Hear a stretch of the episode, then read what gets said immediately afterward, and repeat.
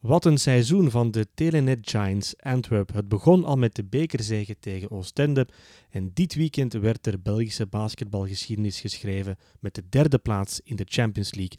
En dat voor een tot de nok gevuld sportpaleis. Een avontuur om nooit meer te vergeten voor de spelers, het publiek en voor de coach Roel Moors. Maar die wil de voetjes liever nog op de grond houden, want de titel is nog in het vizier. Roel Moors, bedankt dat je hiervoor tijd wil maken in die drukke agenda. Geen probleem, graag gedaan. In één woord, hoe was vorige week? In één woord is dat heel moeilijk. Uh, hectisch, uh, maar ook toch wel uh, fantastisch, memorabel. Misschien is dat het beste woord, memorabel, om het eigenlijk allemaal samen te vatten. Uh, wat er allemaal de afgelopen weken op ons is afgekomen. Ik heb veel mensen horen zeggen, het valt eigenlijk niet in woorden te beschrijven, maar jij kiest dan wel voor memorabel. Ja, omdat het denk ik iets is dat we binnen 20 jaar gaan naar terugkijken en dan misschien pas ten volle gaan beseffen van hoe, hoe uniek dit was en hoe leuk dit was, wat we, wat we hebben meegemaakt. Jullie zijn knap derde geworden in die Champions League. Jullie schrijven daarmee Belgische basketbalgeschiedenis. Beseffen jullie dat dan op dat moment? Op dat moment zijn we daar niet mee bezig. Wij, wij hadden gewoon het doel om, om, om eerst en vooral, wij kijken altijd maar één wedstrijd vooruit. Dus wij, wij wilden absoluut die finale spelen. Dat is niet gelukt. Dat neemt niet, dat neemt niet weg dat het een heel knappe prestatie blijft. Maar wij zijn daar eigenlijk nooit zo mee bezig geweest van geschiedenis of eerste Belgische ploeg. Wij waren gewoon gefocust op ons doel eigenlijk. Hoe groot moeten we die prestatie inschatten voor de mensen die niet thuis zijn in basketbal? Ja, dat is natuurlijk moeilijk om je eigen prestaties uh, in te schatten. Uh, ja. Maar je zit al zo lang in het wereldje, je kan daar ook wel objectief een oordeel over vellen, denk ik. Maar ik denk gewoon dat het, dat het eerlijk is om te stellen dat het misschien nooit meer te herhalen valt voor een Belgische ploeg. En dat dat misschien best uh, de prestatie naar waarde kan, kan schatten. Dit is echt uniek. Ik denk het wel, omdat je, je, moet, je, moet, je, je hebt de factor geluk. Ik denk ook, ik ben er ook van overtuigd als wij met exact dezelfde ploeg terug kunnen starten in die Champions League, dat het ook dan heel twijfelachtig is dat je dit kan herhalen. Dus laat staan met een, met een, met een nieuwe ploeg. Het is gewoon heel moeilijk om op dat niveau uh, zo ver te geraken. En dringt het dan een paar dagen later wel tot jullie door wat jullie hebben kunnen presteren? Ja, maar langs de andere kant is deze groep zich ook heel sterk bewust van zijn kwaliteiten. En ja, wij hadden gewoon, wij zijn in een, uh, in een flow gekomen tijdens dat seizoen waar wij eigenlijk beseften van oké, als wij ons niveau halen, kunnen wij, kunnen wij iedereen kloppen. En dat hebben die gasten eigenlijk tot het einde gedaan. Wij zijn tot het einde competitief geweest. Ik vind ook dat wij vrijdag die wedstrijd die we, die we verloren op onze waarde, die we, dat we ook daar competitief waren. Het verschil vond ik geen 16 punten. Ik vond dat eerder 8, eh, 9 punten. Maar ook daar waren wij zeer correct. En, en dan die, die wedstrijd voor de derde plaats, vind ik dat we ons niveau hebben gehaald dat we eigenlijk heel het jaar hebben gehaald. Dat was echt wel, die match zondag, dat was echt wel de kers op de taart. Hè. Daar waar naar jullie op zoek waren. Ja, ik vond het wel. Het was voor ons belangrijk om die, om die campagne toch goed af te sluiten. Die laatste wedstrijd in die competitie. Oké, die belangen zijn niet hetzelfde als voor een, voor een, voor een, voor een titel. Maar oké, wij, wij, wilden toch absoluut graag die, die derde plaats. En ik vind echt wel dat we heel, heel matuur, heel volwassen gespeeld hebben ook. Ik had het gevoel dat deze groep dat misschien ook wel nodig had, omdat dat verdiend was. Anders zou er misschien een groot onrechtvaardigheidsgevoel achter uh, blijven. Ja, misschien wel. En je creëert anders ook de, de perceptie dat, dat de druk van dat sportpaleis misschien te veel was voor die, voor die jonge groep. En ik denk dat ze bewezen hebben dat dat niet het geval was. Dat zij ook, uh, ook voor zoveel mensen, ook met zoveel belangen, dat zij ook dan hun niveau kun, konden halen eigenlijk. Wat voel jij dan als coach?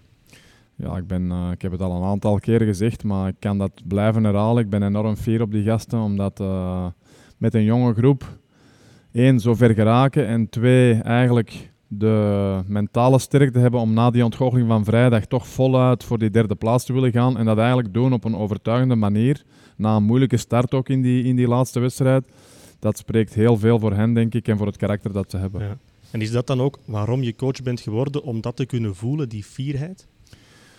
Ja, toch wel. Je, je probeert toch, denk ik, dat zal elke coach proberen, van, van het vele werk uh, dat je erin steekt, de vele, energie, de, de, vele energie dat je daarin steekt, om daar iets van terug te zien.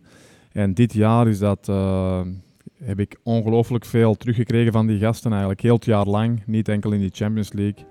ook in de competitie, ook in de beker, hebben die eigenlijk altijd heel veel teruggegeven. Heel veel respect getoond voor elkaar, voor de coachingstaf. En dat, dat, dat is heel leuk.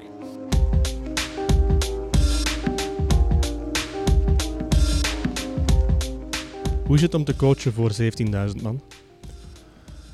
Goh, dat is eigenlijk hetzelfde als coachen voor, uh, voor 100 man. Echt? Uh, het, is, uh, het is leuk natuurlijk. Voor die wedstrijd voel je die, voel je die vibe. Maar tijdens die wedstrijd hoor ik eigenlijk dat publiek niet. Hoor ik eigenlijk niks van, van randanimatie of dergelijke. Je bent, je bent volledig in die wedstrijd. En ja, dat is van, vanaf dat die, ik had dat als speler ook, vanaf dat die bal in de lucht is, ben je eigenlijk volledig gefocust op die, op die vier lijnen. Maar dat zijn wel de momenten anders, denk ik, waar je het voor doet. Om voor zoveel volk te kunnen spelen of te kunnen coachen. Ja, vooral door het belang van die, van die wedstrijden natuurlijk. Hè. Je speelt voor een, uh, voor een Europese titel in, op, op Champions League niveau, dus dat maakt het heel speciaal. En natuurlijk vooraf, vooraf aan die wedstrijd, en je komt, je komt die zaal binnen 20 minuten voordat die wedstrijd begint, ja, dat is, dat is wel indrukwekkend, maar vanaf dat die wedstrijd bezig is, ben je daar niet zo mee, niet zo mee bezig. En krijg je dan niet even kippenvel? Ik moet zeggen, ik heb dat, uh, ik heb dat wel gehad. De eerste keer uh, toen we de bekerfinale speelden in mijn eerste jaar als coach, omdat ik toen ook nog kwam toen juist van het terrein. Uh, toen had ik eigenlijk het gevoel van ik wil hier eigenlijk spelen die wedstrijd. ja. Nu is dat wel uh, gekalmeerd, maar kippenvel, nee, maar wel ja, natuurlijk het besef dat je hier iets, uh, iets speciaals kan bereiken. En voel je dan druk? Want dat is er natuurlijk wel, hè, voor 17.000 man dan wil je je tonen. Ja, maar ik, ik denk dat druk. Ik heb, ik heb nooit niet echt veel druk gevoeld. Ik denk de druk die wij, die wij, en ik denk dat dat voor mijn spelers ook, ook geldt. De druk die wij voelen is de druk die wij onszelf opleggen om te presteren. En uh, ik denk druk van buitenaf. Wij hebben sowieso het geluk, denk ik, als, als coachingstaf, maar ook als spelersgroep, dat wij met een bestuur zitten die niet te veel druk ligt van bovenaf. Ik denk dat dat belangrijk is voor zo'n jonge groep. Dus echt druk, nee. Hoe ga je zelf om met alles wat er dan bij komt te kijken? Want plots trekt dan ook Roel Moors, de bescheiden Roel Moors, de aandacht. Je komt dan ook in de spotlights.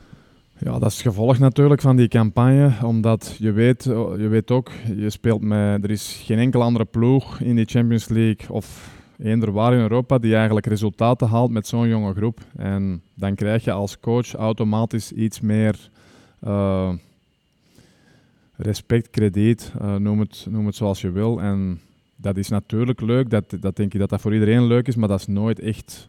Ik ben daar eigenlijk misschien wel minder mee bezig als, als andere mensen. Uh.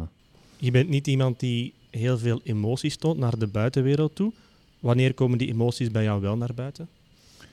Goh, ik denk wel dat ik emoties, uh, dat ik emoties toon voor de mensen die mij kennen. Uh, maar oké, ik ben introvert van, van karakter, dus dat blijft allemaal wel, uh, wel binnen de perken, zowel negatief als positief, denk ik. Maar ja, dat zal ook niet veranderen, vrees ik. Het is niet dat je daar bewust mee bezig bent om je kalm te houden voor zo'n groep, dat je dat bewust doet. Nee, zeker niet. Ik ben ook trouwens niet altijd kalm. Ik denk als je dat gaat vragen aan de gasten, dat ik, uh, dat ik af en toe zeker... Uh, Bij de time-outs zien we het af en toe wel. Ja, en in de kleedkamer ook, uh, zowel positief als negatief. Dat is, maar oké, okay, tijdens een wedstrijd probeer je ook vooral die focus te houden op die wedstrijd. En, en overdreven emoties nemen vaak die focus net weg. Je zei net, het is moeilijk om van zo'n moment te genieten als je bezig bent. Hoe was dan jouw zondagavond? Wat heb je zondagavond dan gedaan?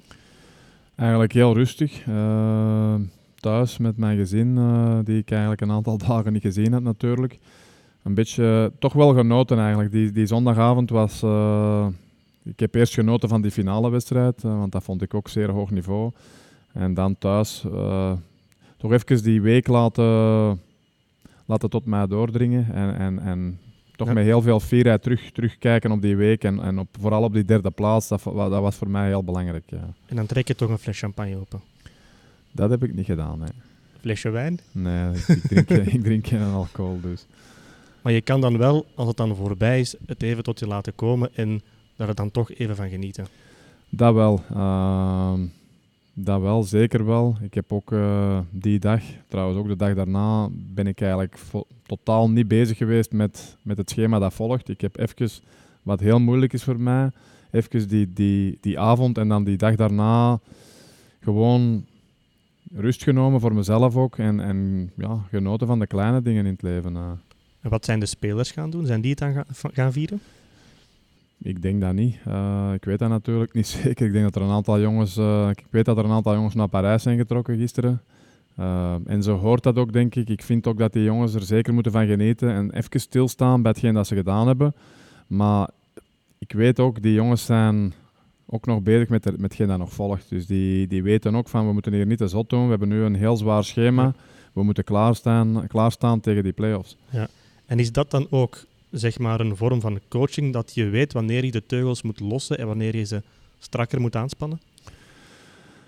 Ja, ik denk dat veel van die zaken worden gecreëerd in het begin van een seizoen. Hè. Een bepaalde discipline breng je erin in het begin. En eh, ook dat spreekt voor die gasten, ondanks hun leeftijd. Wij hebben disciplinair eigenlijk nooit problemen gehad. Ik heb duidelijke lijnen waar ze eigenlijk mogen tussen kleuren. En die, die zijn niet zo strikt, maar die zijn strikt genoeg om, om successen te kunnen boeken. Ik vind ook, je moet een bepaalde vrijheid geven aan, aan spelers. En zeker aan zo'n jonge spelers.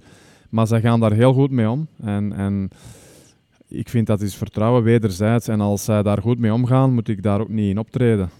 Wat voor een coach ben je precies of wat voor een coach wil je zijn? Ben je meer het vadertype of meer een drillsergeant? Of iets daartussen? Nee, ik denk iets daartussen. Ik probeer... eh, ik ben oprecht begaan met, met, met die spelers. Dat is, dat ik denk dat je dat ook niet kan spelen.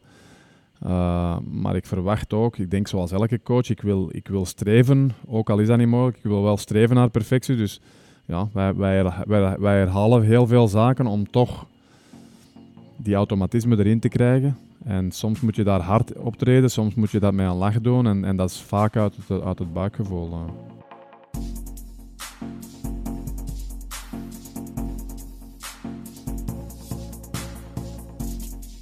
Ja, ik denk dat dit op nummer 1 staat. Ik vind eh, die, die oké, prijzen, prijzen winnen is, geeft qua gevoel nog iets anders.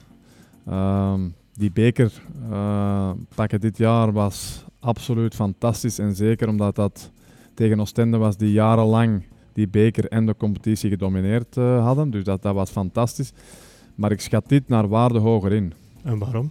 Omdat dit een ander niveau is. Dit is eh, en, en omdat eh, een beker winnen, dat, kan je, dat ga je nog iets kunnen. Daar ben ik van overtuigd. Een titel nee, winnen kan je ook. Maar dit herhalen wordt, zoals ik al gezegd heb, wordt heel, heel moeilijk. Zo niet onmogelijk. Wat vind je het leukste eigenlijk, coachen of spelen? Moeilijk. Dat is een heel moeilijke vraag. Eh, drie jaar geleden had ik gezegd spelen. Ik denk dat spelen al bij al het leukste is, maar het geeft mij beide heel veel voldoening. Ook coachen geeft mij heel veel voldoening. Ehm, het is wel veel zwaarder dan spelen.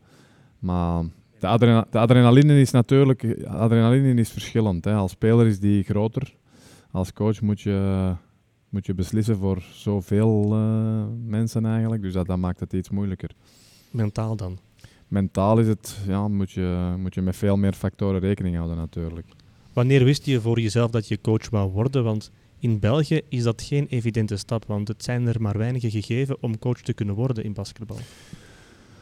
Ja, ik heb... eh, ik denk dat ik op mijn 26, toen ik bij Charleroi speelde, had ik heel veel vrije tijd. Eh, ben ik begonnen met de coachescursussen, maar ik had toen nog niet het gevoel van ik wil dat absoluut worden. Dat is eigenlijk pas heel laat gekomen, dat het gevoel van ik wil daar absoluut voor gaan. Ehm, omdat ik, ik wou eerst mij focussen op, op speler zijn. En vanaf, dat- vanaf dat ik voelde van oké, dat het is tijd om daarmee te stoppen, ben ik daar beginnen over nadenken. En lagen hier mogelijkheden binnen de club. Dat heeft natuurlijk ook de keuze beïnvloed. Ehm, misschien als die mogelijkheden er niet waren om, om hier assistent te worden en om die tweede ploeg te coachen, had ik misschien nu geen coach geweest. Of misschien boekhouder. wie weet. Wat doet dat dan met jou persoonlijk als je dan tot coach van het jaar wordt verkozen in die Champions League? Wat een enorme eer is. Ja, dat is een enorme eer. Nogmaals, dat is het gevolg van met zo'n jonge groep zo'n parcours af te leggen. Maar dan blijf je bescheiden. Ja, omdat je, je bent als coach, ben je, ik denk, ik denk belangrijk. Maar je hebt je spelers nodig, je hebt je staf achter jou, die, en dat gaat over assistenten, maar dat gaat ook over, misschien vaak onderschat, eh, de kinesist die ook een heel, heel belangrijke rol heeft. Dus Om jij die- ziet dan die prijs, als we het dan zo noemen, als een collectief gebeuren. Ja, oké. Ik, ben- ik, sta aan, aan het, aan- ik sta aan de top van die, van die piramide. En als het slecht gaat, ben ik degene die alles over mij krijgt. En als het goed gaat, krijg je dan die beloning. Dus dat hoort er ook bij. Maar als coach ben je maar een, maar een stukje van de puzzel. Hè. Je, hebt, je, hebt, eh, je hebt een goede staf nodig, je hebt goede spelers nodig, je hebt, eh, je hebt een goede omkadering nodig. En anders kan dat niet.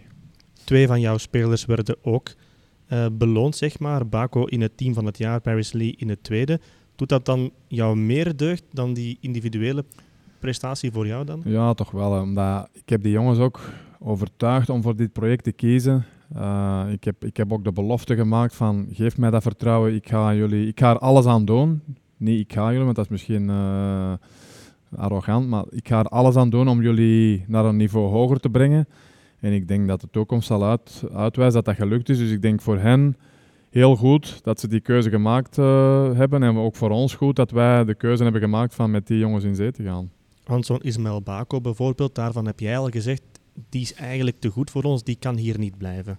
Of die zal hier niet blijven. Nee, die zal hier niet blijven. Te goed voor ons, eh, dat is misschien verkeerd uitgedrukt. Ik denk echt wel dat Ismail ook nog progressiemarge heeft. Dat hij ook hier eh, nog sterker kan worden.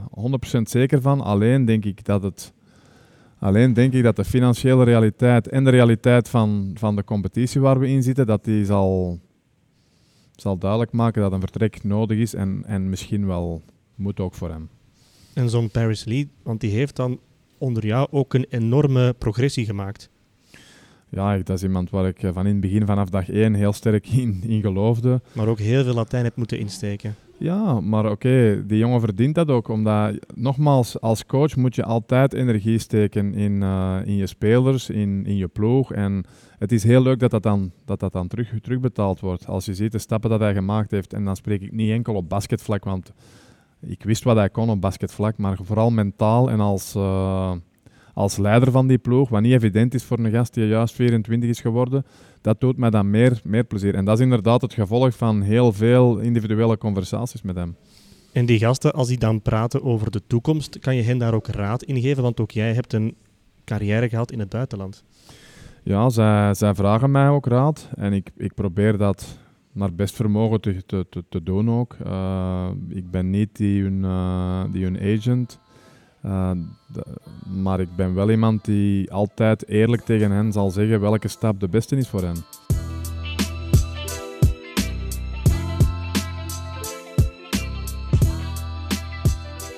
Er werd mij gevraagd om niet te veel vragen te stellen over jouw toekomst. En dat wil ik ook wel respecteren.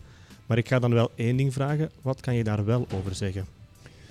Wat kan ik daar wel over zeggen? Dat er uh, natuurlijk hier en daar interesse is, maar dat uh, ik, ik, ik lees nu vaak dat het precies al zeker is dat ik vertrek. Ik vind dat een beetje jammer, omdat ik te veel respect heb voor deze club en, en, en zeker ook voor, uh, voor de voorzitter, want hij is degene die mij eigenlijk vier jaar geleden, die misschien vier jaar geleden meer in mij geloofde dan ik zelf. En ik, ik weet heel goed dat ik uh, in schitterende omstandigheden kan werken bij een, uh, bij een hele goede club met heel goede faciliteiten. Alleen, ook voor mij geldt het dat, het dat een grote competitie mij wel aanspreekt, maar dat wil niet zeggen dat dat, uh, dat dat dit jaar gaat gebeuren. Ja, waar liggen jouw ambities? Nu niet op korte of lange termijn, maar hoe zie je dat voor jezelf in de toekomst? Wat zou jou kunnen verleiden? Eerst en vooral een project. Niet, uh, ik, ik, heb nooit, uh, ik heb nooit een louter financiële keuze gemaakt. Dat zal ik ook nu niet doen. Er moet een project staan. Natuurlijk is het financiële belangrijk, zoals dat voor iedereen belangrijk is. Maar er moet een project zijn waar je op een... Ik spreek niet van lange termijn, want dat is niet mogelijk in het buitenland. Maar toch op middellange termijn iets kan uitbouwen. Een, een club met mogelijkheden, met structuur en met, en met visie. En in een competitie die die interessant is. En dan spreek ik vooral uh, Duitse competitie, Franse competitie en Spaanse competitie. Want ook het gezinsleven speelt mee. Natuurlijk, dat is een extra factor waar, waar je rekening mee moet houden. Ja. Ja. Ben jij een family man? Toch wel, ja. ja. Toch wel. Op welke manier uitziet dat dan? Of vind je dat moeilijk om het daarover te hebben? Nee, nee op welke manier uitziet dat? Uh, mijn kinderen zijn voor mij super belangrijk. Ik heb heel weinig tijd voor hen. Ik heb, heel, ik heb het geluk dat ik uh, een gezin heb, zowel vrouwen als kinderen, die die weten dat dit mijn passie is, ook al zijn mijn kinderen nog heel klein, maar die, die toch bepaalde zaken kunnen, kunnen accepteren. Want ja, ik ben er weinig. Uh, ik ben heel vaak zelfs thuis bezig uh, met dat basket. Maar ik probeer ook wel geregeld uh, ook wel echt tijd te maken voor hen. En dat, dat weten zij ook wel. dat zij op de eerste plaats komen, sowieso. Soms te veel met bezig? Wat is dat te veel? ja, als iets je passie is, dan ben je daar eigenlijk constant mee bezig. Dat, dat, dat stopt eigenlijk nooit. Hè. Ja, je droomt er ook van? Dat gebeurt, ja. Ja, en wat droom je dan? Ja, van alles. Uh, je ziet uh, heel vaak, uh, bijvoorbeeld voor, voor wedstrijden, zeker zo'n wedstrijd zoals nu afgelopen, afgelopen weekend, ja, je, heb je allemaal allerlei scenario's in je hoofd. Of zaken die je misschien wil proberen tegen een bepaalde defense. En dat, dat, ja, dat, is een, dat maalt allemaal rond natuurlijk. Ja. Hoe oud zijn je kinderen? Zeven en tien. En pakken die ook wel eens een basketbal op? Die pakken af en toe een basket op, maar dat is recreatief. Ja, Vind je het lastig als het gaat over jouw toekomst en dergelijke? Als het over speculaties en dergelijke gaat?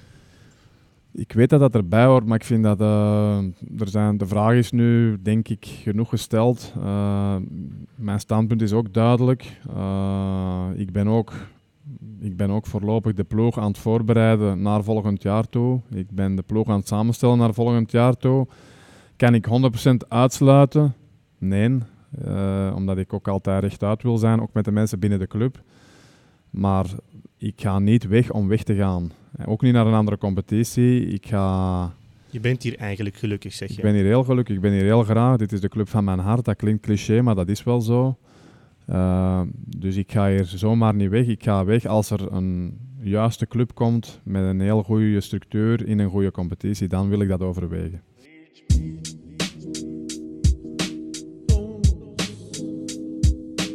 Weet je hoeveel wedstrijden jullie dit seizoen al hebben gespeeld? Ik denk van voor in de 60 ergens. Uh, ja, het zijn er 60, ja. 60, ja. ja. Hoeveel energie zit er nog in de tank? Want jullie kunnen nog kampioen worden. Ja, dat is het laatste doel natuurlijk. Het is een beetje ongelukkig dat we nu uh, zes wedstrijden nog hebben op, uh, op tien dagen tijd en dan drie of vier dagen daarna aan de playoffs moeten beginnen. Zeker omdat we volop strijden voor die eerste plaats. Maar ik heb de indruk, en dat heeft heel vaak ook fysieke belasting is groot, maar het mentale kan dat voor een stuk uh, compenseren. En als je wint, zit het mentale altijd iets beter. Uh, ik heb die jongens nu twee dagen vrijgegeven na, na, na het weekend. En ik vond dat ze vandaag uh, heel, heel scherp waren. En is dan de titel nog een absolute must? Want je hebt al dan de beker gewonnen, Final Four Champions League. Het seizoen is eigenlijk dan al geslaagd, denk ik. Ja, wat is dat een must? Uh, het is iets dat wij absoluut willen, een must. Uh, dit seizoen kan al niet meer stuk, maar... Het zou de kron op het werk zijn. Ja, het zou heel jammer zijn om daar niet voluit voor te gaan. En, en die spelers gaan daar sowieso voluit voor. Maar dat dat heel moeilijk zal worden, daar zijn wij ons ook van bewust natuurlijk. Wat zou voor jou het meest betekenen? De titel of dan toch die Final Four?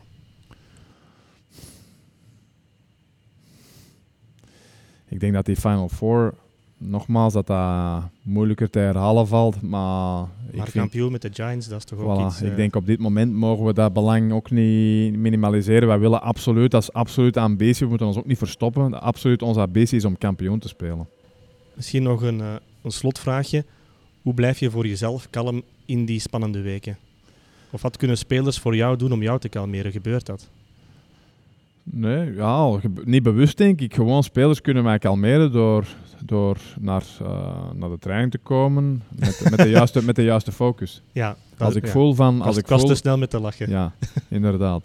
Uh, als ik voel van, die jongens zijn klaar. Als ik dat gevoel heb zelf, dan word ik ook kalm. En, en dat gevoel geven ze mij ook altijd. Dus.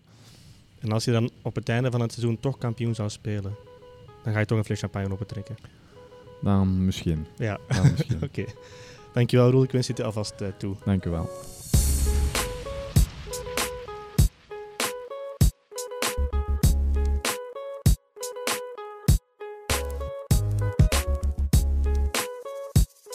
Toch nog even zeggen aan het einde van deze aflevering dat we weer een leuke prijs hebben om weg te geven. Een basketbal getekend door de hele ploeg van de Telenet Giants Antwerp. Met aantekeningen dus van Roel Moors, Ismael Bako, Paris Lee, Hans van Wijn, Tate, noem maar op. Hoe je die prijs kan winnen, kom je later deze week nog wel te weten via onze Twitterpagina, buitencategorie. Dus hou die zeker in de gaten. Tot de volgende keer.